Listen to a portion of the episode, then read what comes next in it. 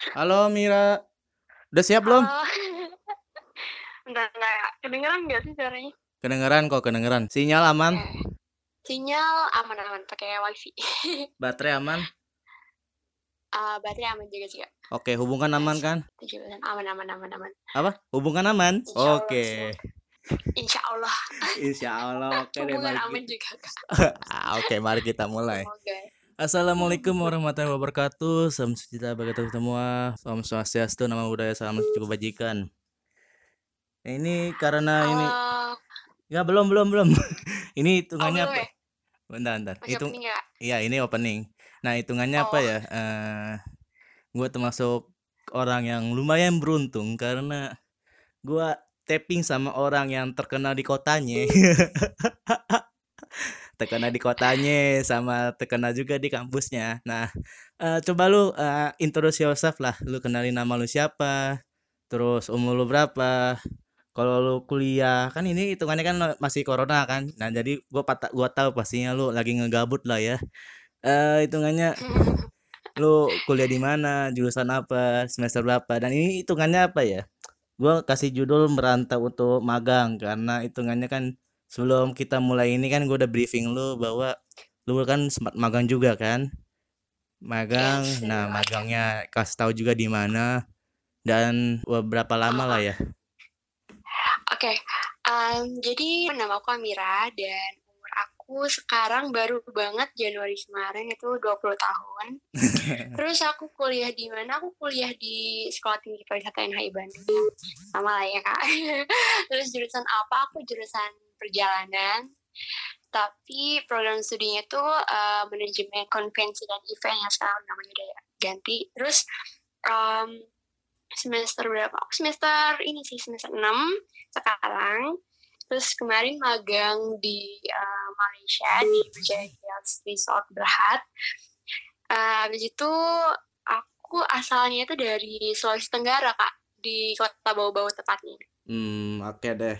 Nah, pertama-tama eh kita coba dulu ya, kaji dulu. Lu pertama-tama proses buat magang lu ke sana gimana sih prosesnya? Coba lu ceritain. Awalnya itu em, waktu itu kan aku kebetulan dari MBK itu eh sorry maksud aku MKS karena udah ganti. Jadi MKI itu MKI itu dulu eh, awalnya kan kita nggak pernah ada kan internship ke luar negeri gitu kan.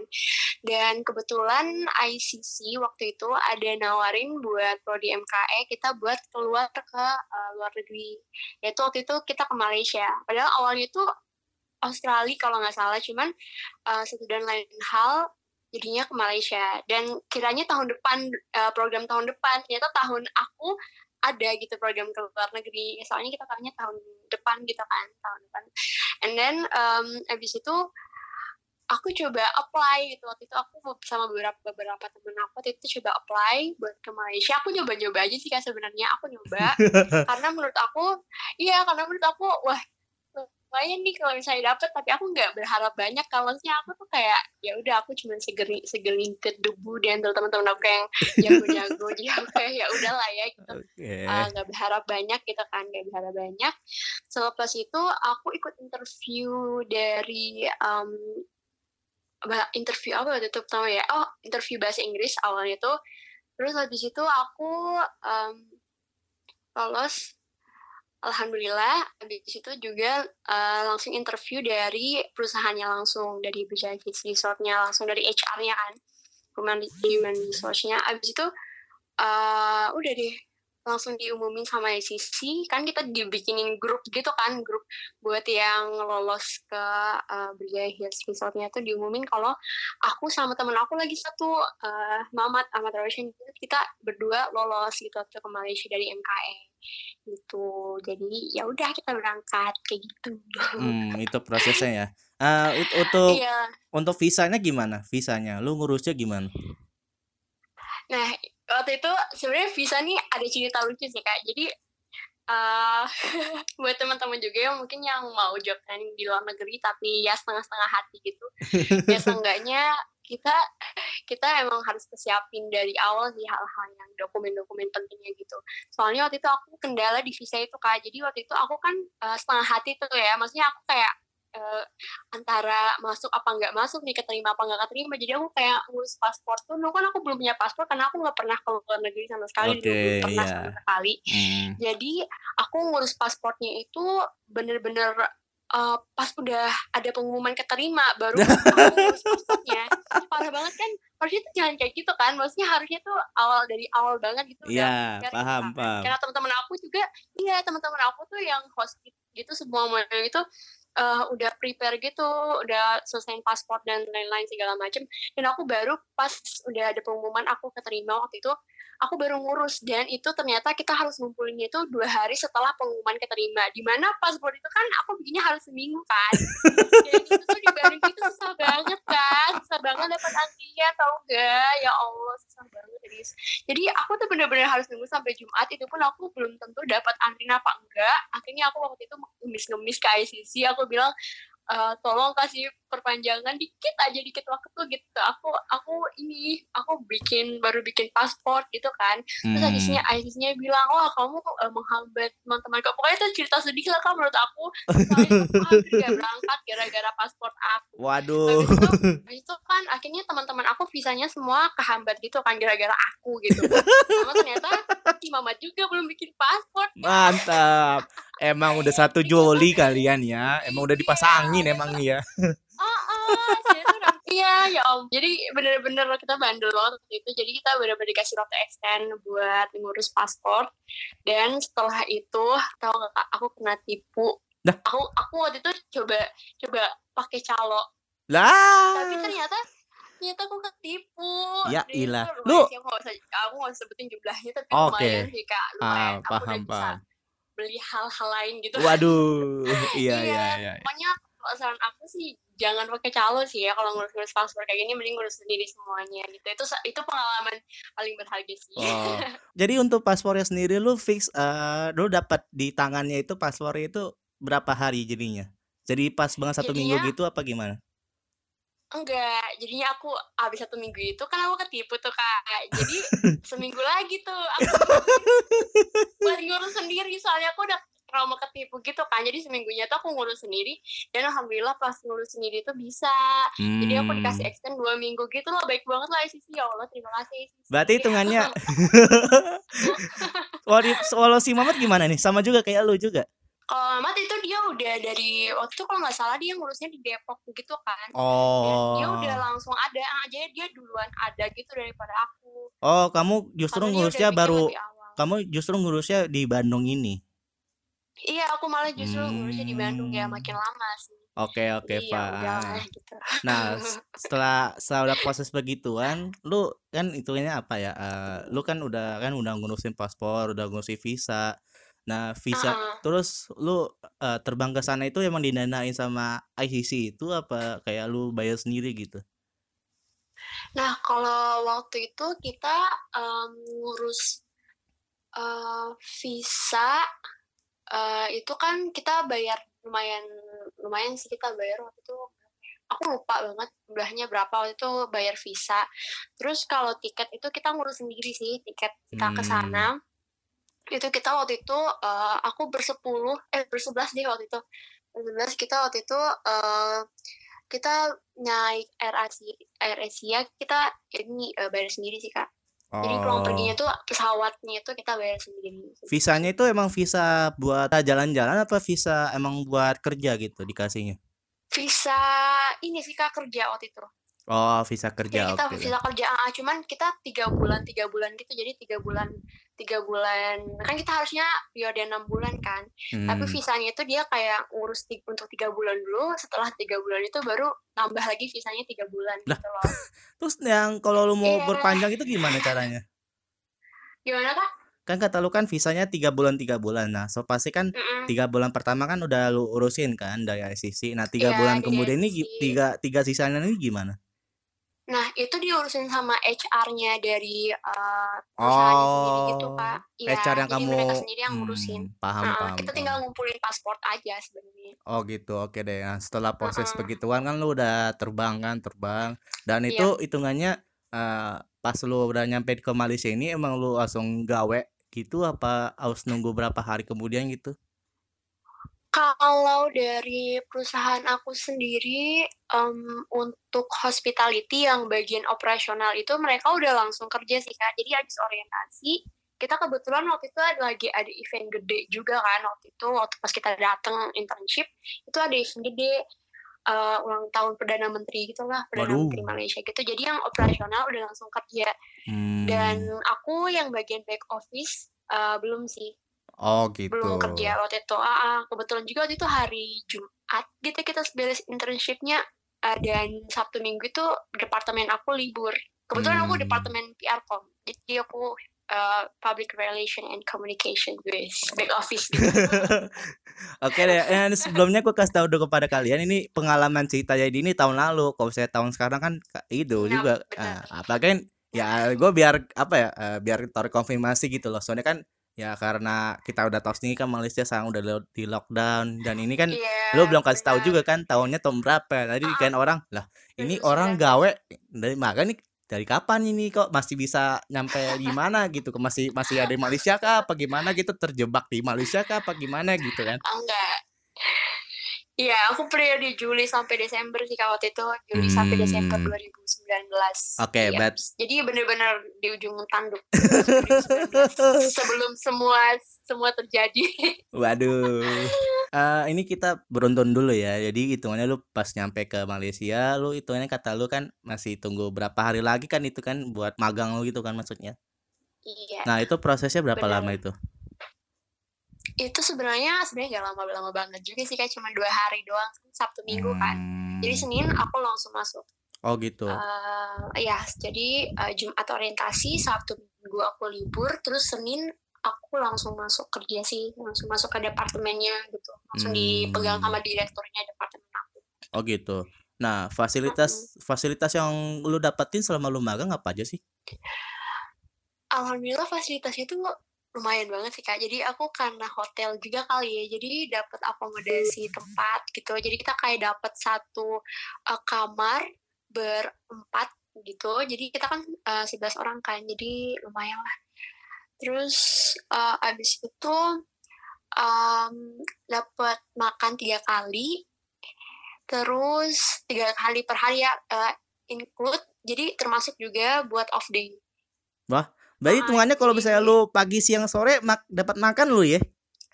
Iya bener. Jadi aku bener-bener duit tuh duit tuh bisa di bisa ditimbun.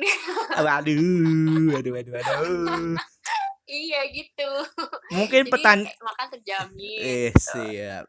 Mungkin pertanyaannya mengenai tanggal Mm-mm. tua masih nggak berlaku ya dalam topik kali ini ya. Dalam podcast yang ini topik tentang tanggal tua masih belum bisa. Masih belum valid, masih Iya. belum valid. Heeh. Terus kita juga dapat ini sih kak, dapat kan kita lumayan tuh perjalanan dari em, dari hotel ke tempat penginapan itu lumayan. Jadi kita bukan nginap di dalam hotelnya gitu. Jadi kita ada kayak satu satu area juga buat eh, buat kayak apartemen gitu lah, buat semua staff gitu. Jadi kita Hmm. dapat fasilitas kayak bus gitu sih. Oh shuttle, fasilitas shuttle bus. bus ya. Ya, shuttle gitu. Hmm, lu di apartemen apa di dormitory? Eh bisa disebut dormitory, eh, gak dormitory sih, jadi dia kayak gimana ya modelnya ya. Jadi aku tuh satu kamar, em, kita pakai double itu satu kamarnya tuh dia kayak nggak ada beli, nggak ada skak-skaknya gitu. Kita beneran tempat tidur tempat tidur kayak gitu loh. Tapi sekamar itu cuma Hmm. empat orang doang. Waduh. Gitu. Jadi kita dapat tiga kamar gitu karena kita bersebelas kan dari Indonesia. Hmm, oke Iya, oke. jadi tiga kamar gitu karena Hmm. bersebelas. Nah, Nah, itu ya, itu mengenai fasilitas. Fasilitas apa? Soalnya dapat kamar aja. Oh iya. Ya masalahnya kan kalau kalian di Malaysia kan masa iya Iya. dikasih ngemper gitu kan atau mungkin kayak nih duit buat lu nyari kosan Nggak kan gitu apa sih. gimana kan kan kasihan juga ya buat magang cuma enam bulan doang kan Ya. gitu kan kelantar di negeri orang kan kasihan juga dipikir kan itu juga sih masalahnya. nah terus fasilitas apa aja yang lu Ya, dapetin gitu deh pokoknya. Itu sih paling. Terus aku juga dapat ini sih. Jadi aku dapat PC sendiri. Jadi aku dapat komputer sendiri gitu. Terus meja meja kerja juga sendiri. Em, itu sih paling. Itu sih. hmm, nggak dapat insentif berupa duit gitu Oh, itu mah dapat sih. oh Alhamdulillah. Gak banyak lah. Eh, dan nominalnya ya lumayan lah kak gitu buat belanja skincare pun masih mas akal sih Oh, oh, iya gue paham sih kalau saya mengenai cewek kan, gue paham mengenai cewek. Maksudnya oke lah ya kalau takaran mengenai skincare per bulan aman nggak? Itu doang dah, itu doang dah. Aman sih Aman, oke sip. Nah, mungkin kalau untuk aman nominal karena mau nggak mau kasih tahu ya, gue patokannya dengan skincare aja lah. ah Skincare, bedak, ya apa itu lip tint ya gitu-gitu kan. Nah, nah itu kan ya itu mengenai aja apa ya eh, fasilitas yang lu dapetin. Nah, untuk apa ya job desk lu di sana selama lu magang apa aja sih? Ah, Yang apa tuh kayak lu selama lu magang itu apa aja sih yang lu kerjain? Coba lu ceritain gitu. Oke, jadi awalnya itu aku em, waktu itu kan aku baru datang waktu itu dan langsung event gede kan waktu itu event ulang perdana menteri yang udah aku bilang tadi.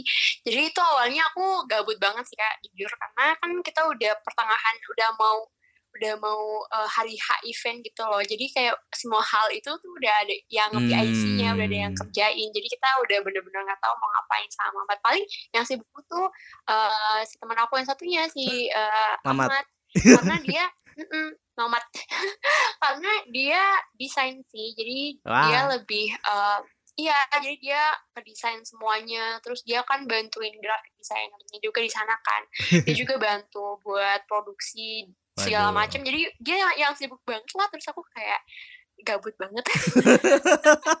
Karena aku waktu itu aku waktu itu belum ketahuan bisa apa bisa ini bisa itu kan. Oh. dan iya dan aku juga waktu itu kan eh, masih belum tahu job desk aku patennya tuh apa gitu. Aku aku jujur aku waktu itu belum tahu gitu. Terus Hmm. makin lama makin lama eh, akhirnya aku mulai masuk ke bagian administrasi sih jadi makin jelas gitu jadi aku ngurusin banyak banget dokumen-dokumen terus juga aku ngurusin banyak laporan terus eh, ngurusin juga tentang apa ya ngurusin event sih event jatuhnya kayak perintilan-perintilan kayak bikin uh, checklist ya gitu-gitu so, Kak. ya lah Hmm. Kayak gimana eventnya bikin kayak uh, ya gitulah Kayak event lah sekre gitu lah ya. Lu bagian termasuk sekre lah ya, iya sekre. sekre lah aku Ah. bagian sekrenya lah Hmm. Oke, paham, paham. gitu Nah, sebelumnya apa ya? Eh, lu udah di sana sama magang ini lu ngehandle berapa event sih? Eh, kalau aku jujur itu cukup sedikit sih dibandingkan teman-teman aku yang magang lain. Karena kan kita di hotel ya bukan kayak yang lainnya ya, magang di event organizer. Jadi kalau aku sendiri sama Mat itu kita ngerjain dua event yang gede banget. Itu yang kita benar-benar ngerjain pure.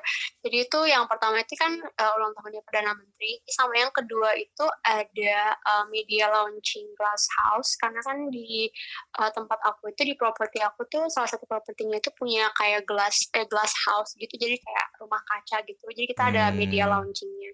Oh, jadi gitu. itu sih paling ah ah, dua event itu. Sel- selain itu uh, paling kita ikut pameran kayak pameran ke KL ke Kuala Lumpur atau enggak pameran di um, Pahang pokoknya gitu gitulah jadi exhibitor gitu Organizernya itu kontak hotel-hotel ini yang ngurus lu juga apa gimana?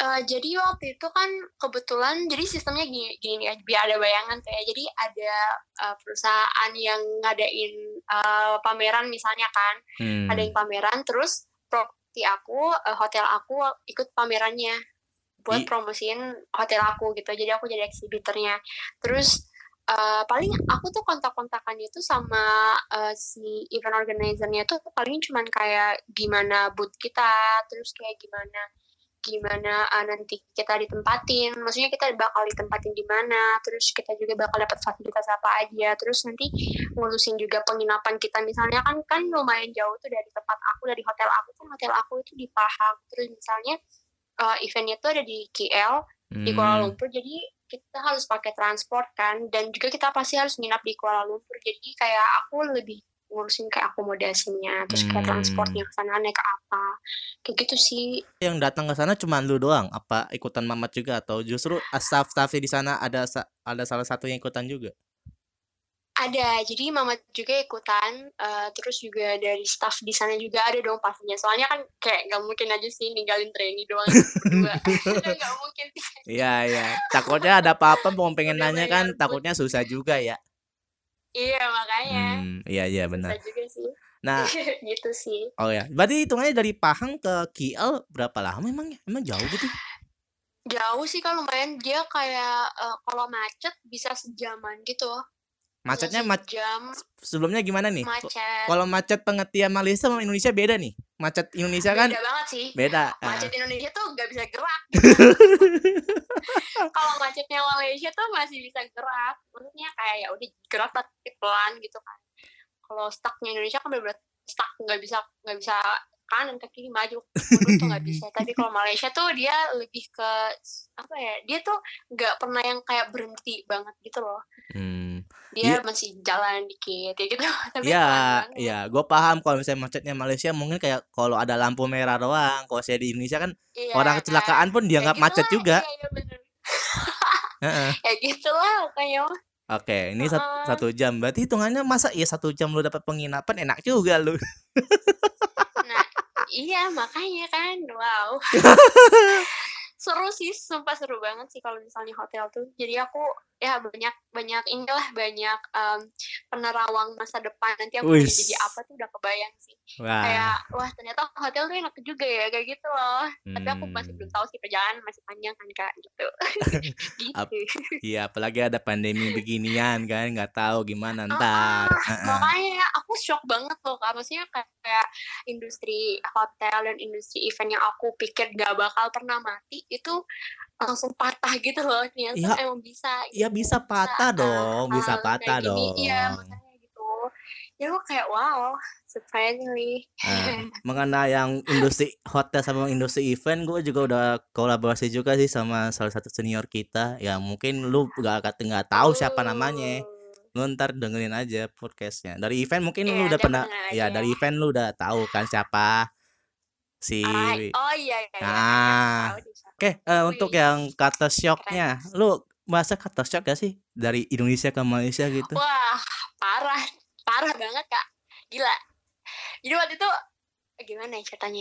Aku mulai dari mana? ya? Jadi waktu kan waktu datang itu kan itu bener-bener pertama karena aku nggak pernah pergi ke luar negeri. Makanya aku Hmm. bener-bener culture shock banget. Aku nggak pernah keluar dari Indonesia, jadi ka- kaget banget. Karena ya aku denger eh, bahasa Malaysia tuh dari Upin Ipin kan.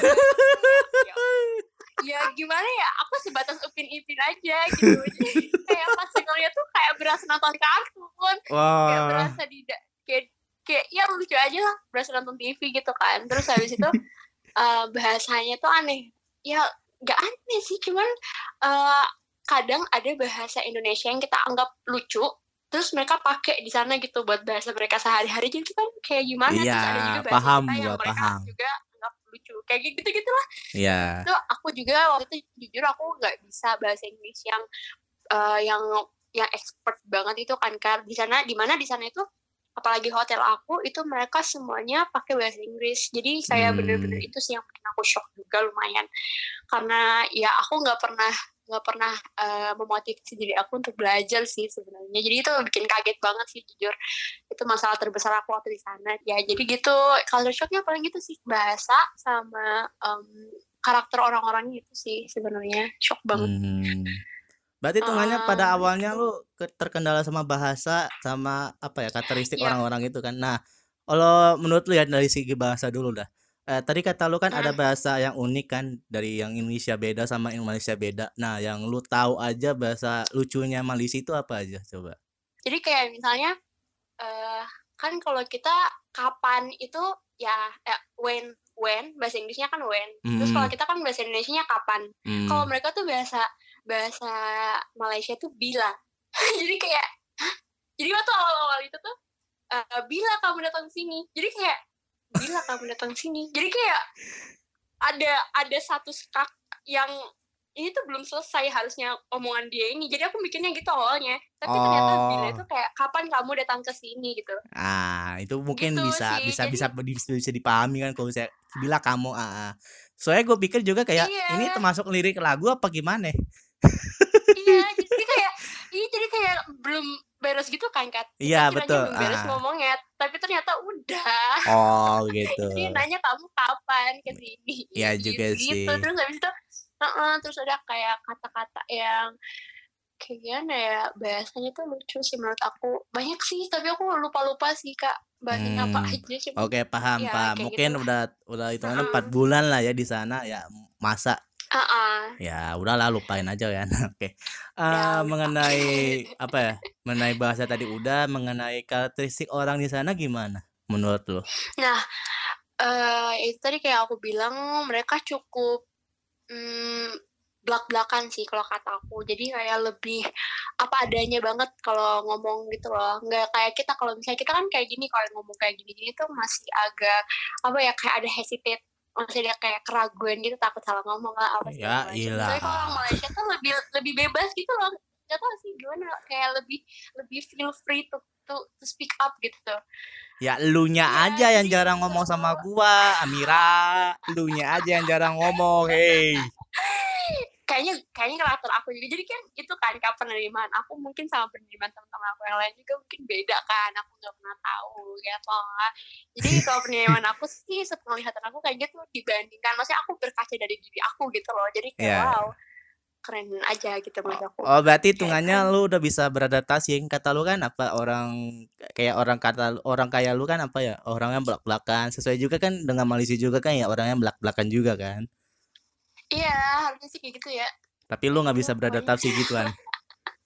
Iya, tapi uh, awal-awal sih kak aku kayak uh, bener-bener wah nih orang-orangnya kayak ngomongnya tuh lancar banget segala macam cepet banget. Aku jadi kayak bla- uh, pelongo-pelongo aku nggak ngerti apa-apa bahasa Inggris juga. Hmm. aku aku masih setengah-setengah bahasa Malaysia apalagi aku baru denger gitu. Jadi kayak bener-bener aku waktu itu awal-awal gitu bulan-bulan pertama bulan kedua itu aku bener-bener diem aku gak bisa ngomong apa-apa kak kayak aku di aku diminta tolong sesuatu itu aku bener-bener pelongo-pelongo sampai akhirnya aku memutuskan untuk merekam semua instruksi yang diberikan oleh orang-orang ke aku gitu kan saking aku tuh Hmm. bener-bener nggak bisa mencerna dengan cepat gitu loh jadi Oh ya karena paham. aku nggak bisa mencerna dengan cepat aku cari solusi gimana caranya biar aku bisa em, tetap em, menjalankan perintah dan juga instruksi mereka tapi aku nggak mau minta mereka ulang ngomong gitu karena itu Oh juga ya paham. mencerminkan betapa begonya aku gitu kan. Aku kelihatan bego. Aku tuh pokoknya nggak boleh kelihatan bego harus kelihatan pinter tapi emang nggak pinter gitu. Bingung. Terlalu munafik Anda berarti ya. iya nggak mau bego tapi tetap aja Iya ya. gitu sih Nah, ya untuk karakteristik untuk karakteristik yang lu dapatkan sama eh, sama lu magang di Malaysia ini apa? yang karakteristik yang aku belajar sih eh, lebih apa ya lebih fast respon gitu loh kak jadi kayak harus bisa eh, timingnya tuh kita nggak boleh lambat Hmm. bener-bener kita harus eh, cepat gerakan gitu terus kita harus bener-bener kena dunia juga kayak jadi kita bener-bener stuck sama deadline kita karena kan kayak misalnya ada promo kalau misalnya promonya eh, apa seasonnya udah lewat kita nggak bisa lagi bikin promo. Kayak gitu-gitu loh. Jadi kayak lebih ke Oh. apa ya harus lebih cepat tanggap terus juga harus bisa beradaptasi sama orang-orang harus bisa lebih fit to everyone. Kayak kita harus bisa menyesuaikan karakter kita. Kita nggak boleh maksain karakter diri kita sama orang lain gitu loh. Jadi kita harus bisa lebih beradaptasi sih yang aku dapetnya terus sama eh, apa ya karakter eh, jangan cuman harus bisa kritis gitu jangan cuman iya iya doang itu sih yang paling aku belajar banget sini. Ya, Iya, itu mah kan pastinya anaknya kali. iya iya iya iya iya itu. ya bakal aku kerjain semuanya akan aku kerjakan tapi sebenarnya nggak boleh kayak gitu. Oke, eh, menurut lu dunia kerja di sana gimana sih? Apakah kayak kaku banget atau justru kayak enjoy aja gimana? Eh, dibilang kaku juga enggak, dibilang enjoy banget juga enggak sih. Jadi kayak lebih profesional aja di mana kalau misalnya emang kita waktunya buat kerja, kita bener-bener harus profesional kita kerja. Terus kalau misalnya kita emang waktunya buat eh, senggang gitu loh, misalnya waktunya buat kita eh, chill atau emang jam, jam istirahat, kita di situ boleh bebas kak, mau gila-gilaan, mau gimana, mau gosip juga udah udah gitu. Maksudnya mau main HP juga udah nggak peduli gitu loh. Tapi kalau misalnya udah jam kerja kita harus Hmm. uh, stuck to the rules gitu loh jadi kayak kita harus bisa menyesuaikan diri sih gitu Hmm. kalau culture-nya gitu sih kak lebih ke gitu sih Oke deh. Eh, Mm-mm. berarti di sana hitungannya untuk durasi kerja gimana? Atau kayak sekarang ini kayak kalau di- kayak kalau kayak di Indonesia ini kan apa Senin sampai Jumat terus dari jam berapa sampai jam lap- dari jam berapa sampai jam berapa itu 8 jam terus Sabtu Minggunya libur nah kalau saya lu di sana gimana Kalau aku sih di sananya tuh karena aku intern kali ya, jadi kita Sabtu itu masuk. Harusnya tuh kalau bagian back office itu Sabtunya tuh ada kayak eh, seminggu libur, seminggu enggak. Bahkan ada yang Sabtunya itu setengah jam kerja gitu loh. Kalau memang staff di sana ya, kalau misalnya Hmm. internship itu kita Sabtu tetap kerja sih. Soalnya teman-teman aku yang operasional juga itu kita eh, tujuh hari kerja, eh tujuh hari sorry, enam hari kerja, enam hari kerja terus eh, kita kalau back office itu dari eh, 9 ke 5 sama lah ya kayaknya 9, to 5 gitu kalau teman-teman aku yang operasional ya 8 jam sih oh gitu ya sama aja cuman Tapi- ada shift-shiftnya Oh, shift-shiftnya. Kalau lu ada shift Gitu sih, juga? Kalau aku nggak ada karena back office jadi jam 5 teng itu semuanya udah balik. Hmm. tapi lu pernah Gitu. pernah lembur nggak sih? Lembur? Aku pernah sih kak waktu ada event lah pasti kita banyak yang lembur kan. Cuman Hmm. ya alhamdulillah ada penggantinya gitu. Jadi ada kayak Hmm. tambahannya ada cuan tambahan jadi ya tidak terlalu terbebani lah gitu Oh gitu ya. Berarti hitungannya apa ya? Kalau saya gua nih kan gua apa ya? eh, gua mencontohkan diri gue sendiri ya. Eh gua dulu pas gua magang kan contohnya gua event dia hari Sabtu dan Minggu. Jadi so so pasti kan Sabtu dan Minggu kan pasti ya libur dong. Nah, Iya. jadi hitungannya gua dapat dua dua jatah dua hari itu bebas lu mau mau dipakai di hari apa aja, selalu gitu. Kalau saya lu gimana Oh. Iya iya jadi kita juga kayak gitu kak jadi kalau misalnya kita misalnya kerja di hari minggu nih misal- misalnya kan jadi kita boleh ganti nanti di hari misalnya aku mau ngambil hari selasa cuti gitu kan itu bisa kayak gitu walaupun aku anak magang tapi aku bisa kayak ngambil fasilitas itu dari eh, dari perusahaannya gitu lah Hmm. jadi bisa diganti harinya gitu sih Tapi berpengaruh nggak sih ke dalam gajimu? Contohnya kan gua eh, gua dulu gajinya itu hitungnya per hari. Maksudnya lu hitungannya per hari itu atau per bulan? per bulan sih kak. Jadi kayak gimana ya jatuhnya tuh sebenarnya yang penting dalam em, pokoknya pokoknya 8 ha- 8 jam kerja ini oh ya sorry kak. Jadi 9, 9 to 6 jadi aku bukan 9 to 5 9 to 6 Hmm, jam oke. kerjanya tuh. Nah em, kalau misalnya kita kerjanya tuh full seminggu itu eh, 8 jam dan juga eh, enam hari itu em, kita dibayarnya sih cuman kayaknya ada yang kayak kalau misalnya kita staff ada yang namanya unpaid leave jadi kayak misalnya Oh. kita eh, apa cuti tapi kita nggak dibayar itu kayaknya ada deh soalnya kan nggak semua cutinya itu boleh gitu kan jadi ada kayak alasan-alasan tertentu yang kayak unpaid Hmm. leave gitu Apa jangan-jangan apa jangan-jangan kayak sekarang-sekarang ini hitungan unpaid leave? Iya, iya, iya. Ada yang kayak gitu-gitu sih kak. Jadi kayaknya jatuhnya sebenarnya nggak nggak nggak per bulan juga sih jatuhnya kayak per hari gitu nggak sih? Per hour. Per, Ah, nggak per- tahu dah kalau sistematik nggak tahu Iya. kalau misalnya sistematika hotel. Gue belum nanya-nanya lagi sama teman-teman gue lah yang masih gawe di hotel. Eh. Ah, ah, jadi nah itu sih kak. Ah, Aku juga kalau hotel sih baru baru banget kita tahu kak. Hmm. Soalnya kan ya kita anak event gitu kan. Iya. Baru terjun. Berarti hitungannya apa ya? Lu jadi tergolongnya itu back office bukannya kayak kalau misalnya setiap Iya. hotel kan kayak ada ya, ada divisi Hmm. khusus buat MICE gitu kan, meeting incentive conference dan exhibition gitu. Nah, lu justru hitungannya bagian back office juga, bukan dalam Iya, jadi ah, ah, jadi kita jatuhnya back office karena aku masuknya itu sebenarnya ke marketingnya di bagian marketing. eh markom gitu loh, marketing communication. hmm, paham paham. Berarti Iya, hitungannya jatuhnya sih sebenarnya. ah. berarti hitungannya lu yang ngurusin sos sosmed itu juga dong, hotel Iya, itu juga dong. benar. ah, ah. Hmm. Cuman kebetulan yang ngurusinnya itu tuh bagiannya Mamat sih. Mamat. Dia ngurusin sosmed udahlah ya udahlah gitu. Aku mah paling cuman kayak perintilan-perintilan kayak misalnya kayak Hmm. ngurusin eh, apa ya setting-settingnya eh, apa namanya paling gitu-gitu doang sih setting-settingnya sosmed kayak gitu-gitu doang Oh. yang update yang update stuff yang update Oh, berarti berarti hitungannya yang yang Iya, ya. berarti hitungannya apa ya? eh, si Mamat yang ngedesain lu yang bikin captionnya hitungannya gitulah ya. Enggak gitu juga sih, biasanya dia masih Mamat juga yang ngedesain, si Mamat juga yang bikin caption kayak gitu. Aku bikin kayak time aku bikin kayak timeline gitu kapan lagi kita Oh. harus nge-post. Jadi, eee, ada 3 properti, Hmm. eee, sebenarnya sistemnya tuh kita, eee, satu gunung Berjaya Hills itu ada 3 hotel di di Oke. sana. Jadi properti gunungnya Berjaya Hills itu, satu gunung itu hanya buat, eee, perusahaan Berjaya. Ngerti nggak sih hebatnya banget Berjaya Wow. Jadi gitu, jadi, eee, dalam 3 hotel itu, eee, bagian departemen PR and communication itu cuman 1. Wow. Heeh, jadi Mmm. 3 hotel, eee eee, markomnya tuh cuman satu satu satu, eee, departemen dan itu tuh departemen aku. Jadi masing-masing kita tuh megang satu, eee, properti gitu loh. Oh, iya iya, Jadi paham. misalnya, eee, Miss Siti sama Mamat gitu megang golf, terus, eee, Miss Marissa sam eee, sama bos aku misalnya atau sama Mister Rizal itu megang Kolmar, terus aku sama Kevin megang Chateau, kayak gitu loh.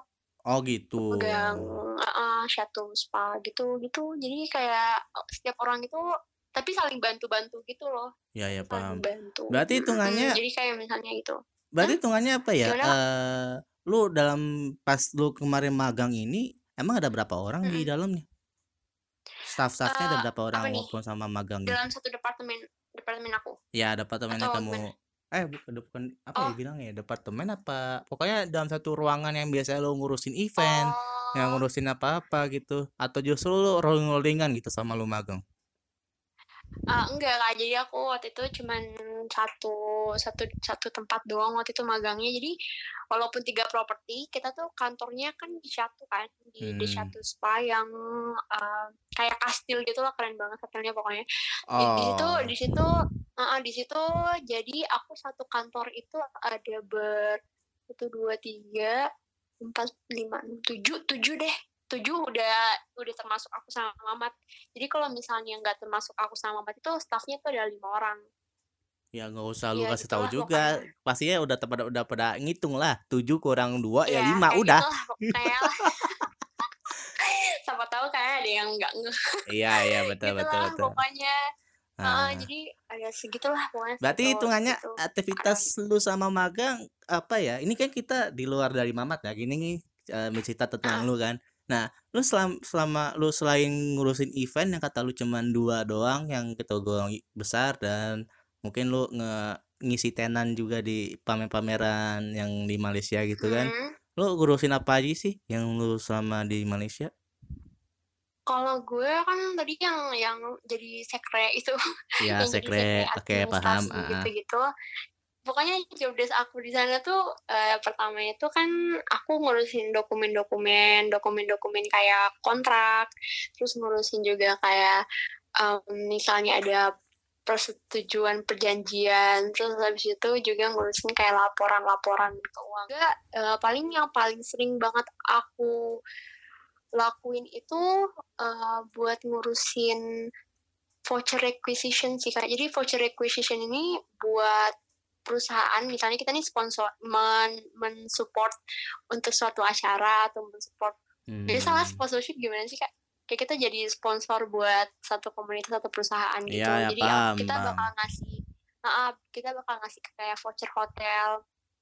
Jadi aku bener-bener ngedata semuanya itu, ngedata, eee, ke mana aja kita udah ngeluarin voucher, terus habis itu, Oh. eee, profit yang harus apa, profi bukan profit sih, eee, pengeluaran kita berapa di hotel yang udah kita kasih itu. Kita tetap harus Mmm. simpan semuanya, kita harus ngedata semuanya karena kan nanti, eee, akhirnya tuh kita bakal laporin ke finance kan, kayak pengeluaran departemen kita tuh udah berapa banyak, kayak gitu-gitu sih, Kak, sebenarnya. Iya juga sih, betul juga.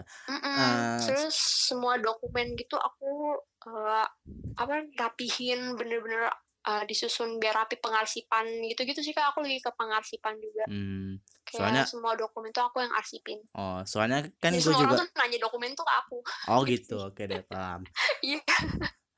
Berarti kayak lu sama kegiatan itu lu nge-keep satu satu dokumen lah ya?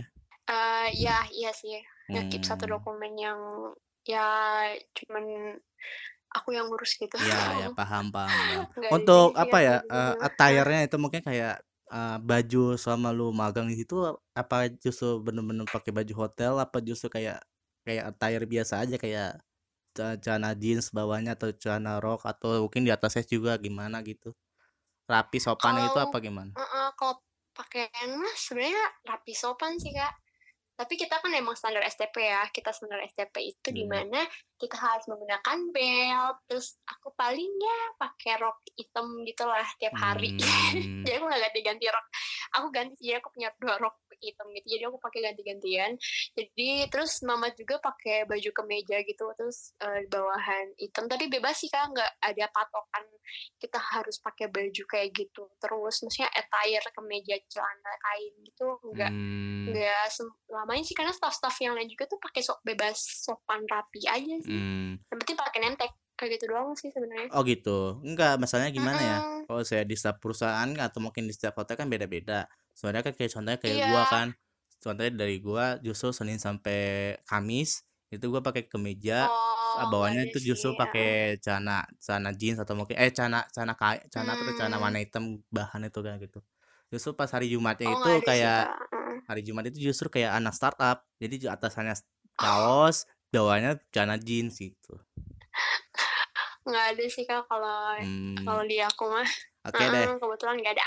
Lu sama di Malaysia kan masa iya sih lu gawe-gawe mulu kan lu pasti ya pernah lah kayak jalan-jalan atau gimana-gimana gitu kan. Lu udah pernah ke mana aja sih lu Heeh. sama di Malaysia? Eh, aku tuh waktu itu udah pernah ke mana ya? Aku seringnya sih ke Kuala Lumpur ya, sih ya kak. Soalnya kan ada shuttle bus gitu buat ke Kuala Lumpur yang gratis buat eh, kerja yang kerja di Berjaya Hills. Jadi aku nggak usah sewa kendaraan lagi, aku langsung turun aja ke KL gitu. Jadi aku langsung Kayak perasaan lu sama magang, sama ngagang, sama lu ngekos jiwa-jiwa lu jiwa-jiwa apa? Jiwa-jiwa gratis lah ya. Iya, pencari pencari diskon, pencari gratisan ya. Ya mohon maaf nih, cewek lagi kan. Udah double kill dah tuh. Jadi Waduh. waktu itu em, waktu itu ke KL paling ke Bukit Bintang, terus juga aku waktu itu pernah ke Batu Caves. Terus juga aku sebenarnya aku nggak banyak jalan-jalan ke tempat-tempat yang gimana-gimana sih. Kak. Paling aku seringnya tuh ke museum. Aku suka banget eh, soalnya ke kayak ngeliatin museum gal- eh, galeri seninya, terus ngeliatin museum eh, apa namanya negara museum negara sih namanya kalau di sana mah. Jadi kayak nyimpen bahan eh, bahan-bahan lagi, nyimpen peninggalan-peninggalan purba segala macam Malaysia Hmm. gitu-gitu. Oh, Itu seru sih jujur. Lebih ke sana-sana justru lu ya, lebih ke museum gitu-gitu ya. Iya, iya kayak gitu-gitu Hmm. sih. Untuk Itu seru banget sih, sumpah. Untuk makanan gimana? Apa tesnya menurut lu ki- di lidah lu kurang enak apa gimana gitu? Kalau di sana itu banyak rempah banget sih. Jadi kayak kayak makanan kari kayak gitu. Kayak eh, jadi tuh aku di sana tuh nggak nggak pernah kangen nasi padang sih jujur karena kayak makanan nasi padang.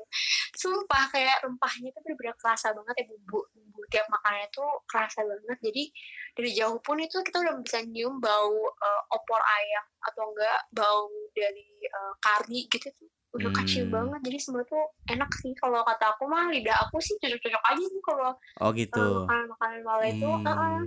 Soalnya setahu gua ya, sih cocok sih jujur saya setahu gua ya, setahu gua ada senior kita di sana yang masih gawe di sana dan entah kenapa dia mau balik ke sini, dia bilang bahwa apa ya? eh kari itu kan banyak tuh, ada yang kari kari pahit atau mungkin kari, yang kayak biasanya kalau kita masak Indomie ada kari ayam gitu yang enak banget gitu. Ah, Nah, kalau ah, saya lu kayak iya gini apa? Lu nam lu makan semuanya nggak? Kayak kari pahit atau mungkin bahan-bahan gituan? Eh, kari pahit aku aku nggak bisa bedain sih kayak gimana aku kan kayak nggak bener-bener expert ke makanan gitu Ah, kak cuman kalau aku sih karinya tuh kari yang kuning gitu sih biasanya kari kuning terus sama kari kari yang eh, biasa tuh ada warna merahnya gitu ah, ngerti nggak sih kari gimana ya ada emang ada merahnya kari warna merah? dia Pak, biasa kayak pakai apaan tuh? Pakai sih marjan? Kagak kak. Kalau pakai marjan mah pink gitu warnanya. Ya ampun ini mah enggak. Dia lebih ke kalau ada merah-merah itu biasa pedes dikit lah gitu. Hmm, paham, paham, kayak gitu sih. Berarti, heeh. tapi emang sih kak awal-awalnya juga aku ke Malay itu aku pengen banget balik. Soalnya kan emang karena gimana ya ya culture shock banget lah. Terus kayak banyak banget yang aku nggak tahu. Kayak orang bego gitu lah. Jadi aku pengen balik banget. Tapi lama-lama lama-lama lama-lama suka dan malah malas pulang. Iya. Sampai-sampai lu dapet kan, cowok kan di sana jawaban. kan? Iya. Ya, Ah, itu mah itu mah rahasia ya. Ab, jangan bohong kamu, jangan bohong. Walaupun itu Ya. mah rahasia. itu jangan rahasia bohong dan- Amira, jangan bohong. Apalagi sekarang sudah Iya, puasa ya Amira, iya. jangan bohong. Nanti itu mah itu mah beda topik. Ah, mau ditambah lagi topiknya apa gimana? ya? Udah udah udah. Nggak mau. Gak mau, oke Kayak deh. itu personal life Iya. Ay, mantap oke. Ah, untuk mungkin Gitu kayak pokoknya mah. soalnya gimana ya? Eh, gue juga sempat melihat juga di salah satu postingan lu, lu sempat Mm-mm. bikin cover juga di sana. Ini itu lu covernya di mana sih? Iya. Jadi itu aku covernya tuh di Colmar waktu itu. Oh, Aku di cover di Iya itu jadi jadi itu salah satu properti kayak French French Village gitu. hmm, Kayak mm-mm, kampung Perancis gitu sih. Jadi keren keren banget lah kayak estetik banget. Jadi aku kayak ya udah bikin video klip aja di sini seru-seruan. Sekaligus promosi enggak iya Ya, kan bisa, aku anak bisa. markom nih anak PR ya Renkom jadi aku Bisa. promosi aja bisa gitu. bisa bisa bisa. Untuk aksesibilitas di, di sana gimana sih? di sana lumayan eh, lumayan eh, lumayan lancar sih kalau aksesibilitas ke sana terus juga di sana kan kan emang satu berjaya hills itu buat eh, berjaya semuanya jadi nggak macet kayak gimana gimana kecuali weekend kalau weekend itu kan banyak banget yang datang liburan kan jadi Hmm. macet lumayan tapi kalau misalnya di hari-hari biasa tuh ya udah gitu. Nggak ada yang susah-susah banget. Terus juga di sana kalau dari Kuala Lumpur ke KL eh ke sorry ke Berjaya Hills itu biasanya guestnya itu tamunya itu kita bisa ada provide gitu loh provide kendaraan. Kalau misalnya Hmm. mereka pengen dijemput dari uh, Kuala Lumpur karena kan ada hotelnya juga kan Berjaya Group kan gede banget ya hotelnya ada banyak banget. Jadi di Kuala Lumpur tuh hotelnya ada Berjaya Times Square di situ uh, bisa drop di situ yang pengen ke uh, Berjaya Hills jadi Berjaya Hills itu lebih ke resort yang tetap orang karya wisata terus habis itu uh, nggak macet gimana gimana sih Kalau misalnya di Malaysia ketika kan lu lu- kan lu ke- eh, tadi eh, jelasin kan lu jalan-jalan kan di Malaysia. Nah, itu gimana kalau kalau bagian Malaysia sendiri gitu?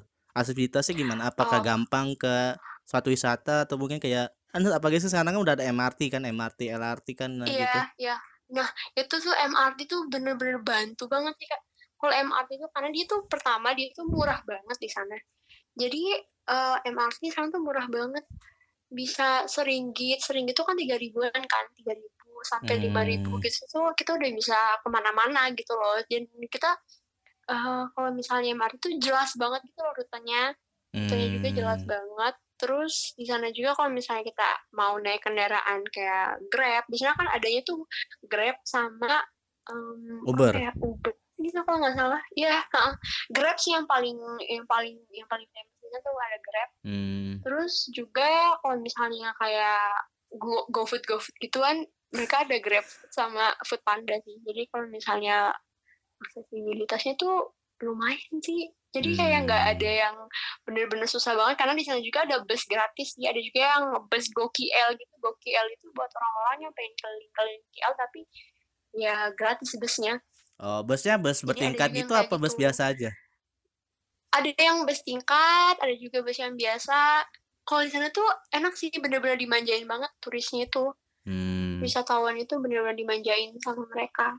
Oke deh. Enak sih. Nah, mungkin apa ya? eh karena ini udah kepanjangan sampai tapping pun dua kali. Kayak eh, mungkin pertanyaan terakhir itu itu lu kasihlah kesan pesan lah gitu. Kesan pesan mengenai yang tadi lu ceritain bahwa eh lu dari awal prosesnya pun berantakan, ngu- ngurusin paspor gimana gitu sampai lu kayak udah jalan-jalan tadi lu bahas-bahasin tentang Malaysia sedikit lah gitu. Nah, coba lu kasih kesan pesan gitu selama lu magang di Malaysia selama enam bulan. Selama enam bulan ya. Em, pastinya kalau dari sisi eh, magang kita dapat opportunity untuk keluar ke luar negeri itu please banget untuk semuanya buat diambil. Kenapa? Karena itu emang salah satu kesempatan yang eh, apa ya itu tuh berharga banget. Karena aku juga ngerasain kita kalau kita keluar di luar daripada Indonesia itu kita bisa benar-benar kebuka pikirannya sama dunia. Kalau misalnya kita benar-benar hanya minoritas dari sekian banyak juta manusia yang ada di dunia ini. Dan juga kalau misalnya um, pesan dari aku sih pengalaman pahit yang aku alami di sana itu adalah bahasa aku sendiri. Jadi selama ini kan aku uh, yang hal buruk dari aku tuh kurang kurang banget motivasi diri untuk belajar bahasa. Dan pas di sana itu aku bener-bener langsung terpacu untuk belajar bahasa Inggris gitu, apalagi itu paling utama banget yang bener-bener aku tekanin dan sampai sekarang aku pulang pun aku langsung bener-bener termotivasi banget buat belajar bahasa Inggris karena di sana aku jujur pahit banget pas kita nggak tahu bahasa Inggris sama sekali gitu loh. Maksudnya kita nggak bukan sama sekali juga sih, at least kita bisa ngomong sama orang gitu loh. Dan juga um, pesan kesan aku tuh di sana kita harus bener-bener kalau misalnya kita ke sana buat belajar, kita benar-benar harus tekanin di pikiran kita tuh kalau kita ke sana buat belajar. Kalau emang kita nggak tahu, bilang kita nggak tahu. Kalau misalnya kita emang bilang kita emang bisa, kita punya satu kemampuan, please tunjukin. Kayak gitu loh. Jadi uh, lebih apa ya? Uh, show your truly true true true true color gitu lah. Ah. Kayak gitu kan Oke, okay, ini karena gitu, apa ya? Uh, lu memaksakan banget bahasa Inggris ya kan. Jadi lingkungannya udah kasih tahu aja bahasa Inggris ya kan. Uh, ini pertanyaan trivia, mungkin pertanyaan yang gua baru terlintas lagi di pikiran gua. So, kan so uh -uh. pasti kan apa ya? Uh, dari dunia baru, jadi kan lu makan kan di negara baru nih. Nah, hitungannya uh. lu turun atau naik berat badan berapa kilo?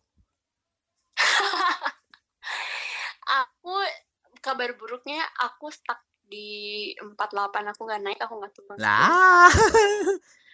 Sedih banget kak. Padahal teman-teman aku yang lain tuh udah kayak uh, bisa langsung naik 10 kilo wow.